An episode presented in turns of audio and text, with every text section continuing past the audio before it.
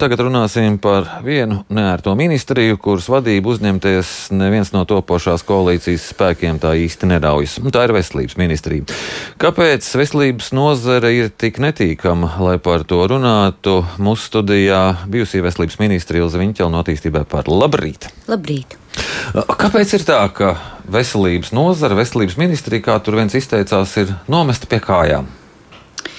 Veselības ministrijā tādā pabērnā lomā ir bijusi vienmēr.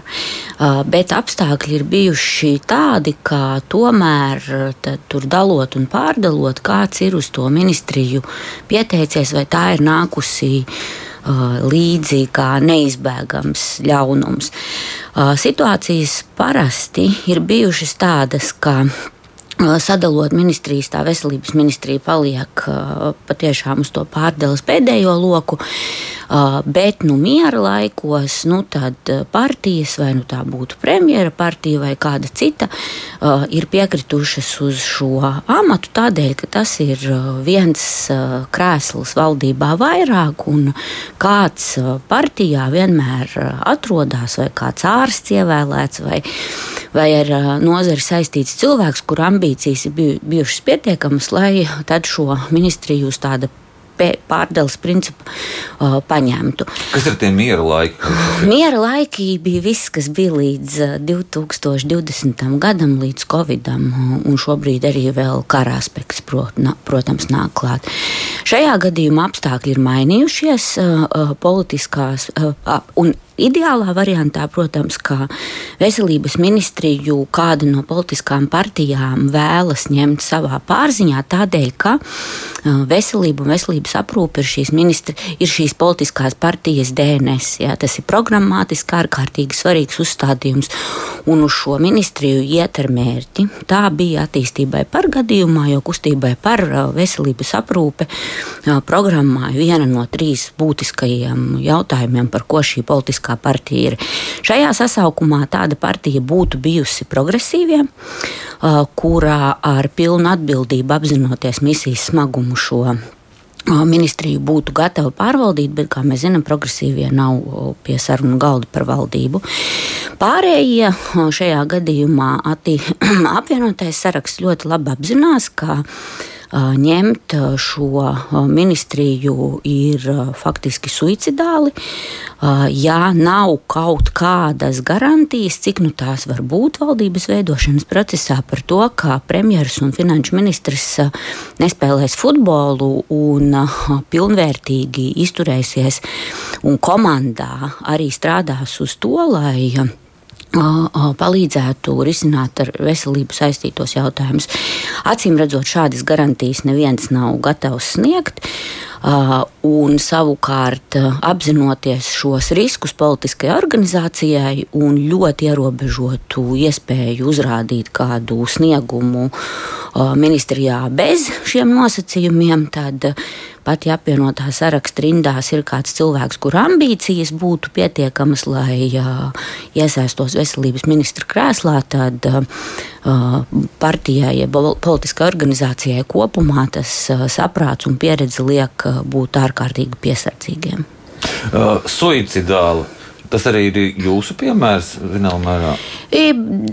Daļēji te es gan tad, zvaigznīti interešu konflikts, jā, protams, man ir sava pieredze, savi rūgtumi, līdz ar to es nevaru būt objektīva, bet arī bez covida, jā, risks politiķim, kā saka, nodegt šajā amatā ir tuvu absolūtam. Mm. Tad būtībā tā ir smagākā ministrija. Smagākā ministrija, gan emocionāli, gan struktūrāli, jo nevienā citā ministrijā mm, nu, šī atbildība burtiska par cilvēku būt dzīvībām nav tik tik uh, tuvu uh, ministram. Uh, un otrs, struktūrāli veselība ir ārkārtīgi sarežģīta, daudzdimensionāla un uh, un nopietnā zinātne un nozare. Uh, un, protams, arī e, tas, ka um, uh, spēlētāju nozarē, mediķi, arotbiedrības ir ļoti jaudīgi, ļoti prasīgi, ļoti konservatīvi un grūti iekustināmi izmaiņām. Un, protams, naudas jautājums. Nauda pati nozare? Es teiktu, tādā secībā pati nozare, tā specifika, tie uzdevumi, tad ieskaitot arī spēlētāju jaudu un intereses, un tad nauda. Tad, lai tiktu galā ar nozari, lai to spētu reformēt un virzīt, tur ir jānāk. Um, Smagsvaram. Ja pilnīgi pīlēnam jābūt. Ir... Um, nu, īstenībā, ja mēs lūkojamies, piemēram, uz Lielbritānijas pieredzi, tur veselības ministri ir uh, cilvēki ar lielu svaru politikā un arī savā partijā. Vai tas būtu finanšu ministrs bijušais vai tagad uh, ministrs, kas ir atbildējis par Brexitu. Uh, mums tā nav bijusi tradīcija, atskaitot Gunteru Bērziņu, kas no tautas tautas partijas bija kā smagsvars apzināti tur virzīts. Minētu arī attīstībai par piemēru.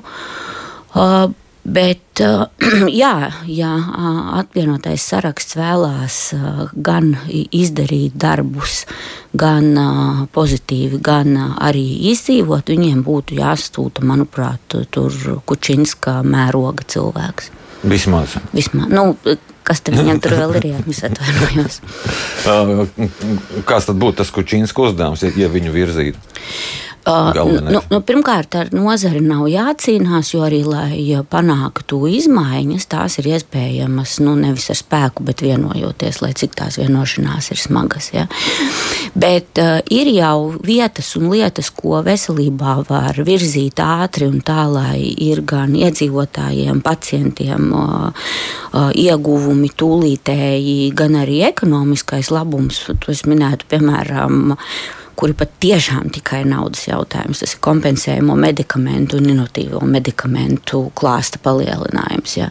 Tur viss ir kristāli skaidrs. Tur ir patiešām tikai finansējuma jautājums. Dodam naudu, sistēma ir gatava pacientiem lētākas, vairāk zāles onkoloģijā modernāki medikamenti, cilvēki ātrāk izveseļojās. Tad, tad sanāk, ja tad, tad naudas nonākam pie tā jaunas naudas jautājuma, tad Kučīnskis ir tā persona, kas varētu nolikt Kariņu uz lāpstaņām un finanšu ministru, un tad to naudu vajadzīgo dabūt? Vis, visdrīzāk ne tik vienkārši, bet uh, pilnīgi noteikti uh, politika, nacionāla līmeņa politikas smagsvarā iespējas uh, diskutēt un panākt rezultātu ar premjeru, finanšu ministriju un koalīciju kopumā ir lielākas, ja tur ir piemēram, Kučinska mēroga un pieredzes cilvēks, nevis kāds ārsts, kura sapnis klusais ir bijis kļūt par ministru kaut gan.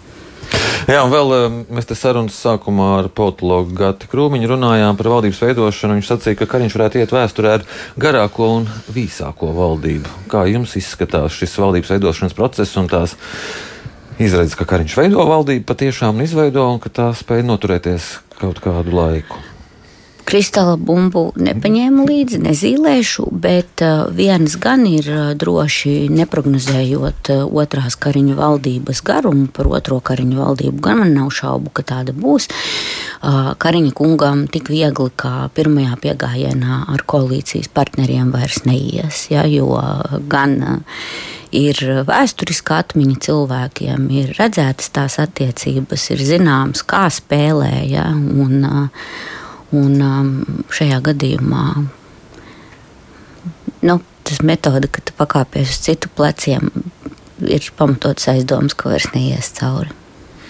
Man jāsaka paldies jums par šo sarunu. Atgādinu, ka mūsu studijā bija bijusi veselības ministra Ilze Viņķele. Paldies!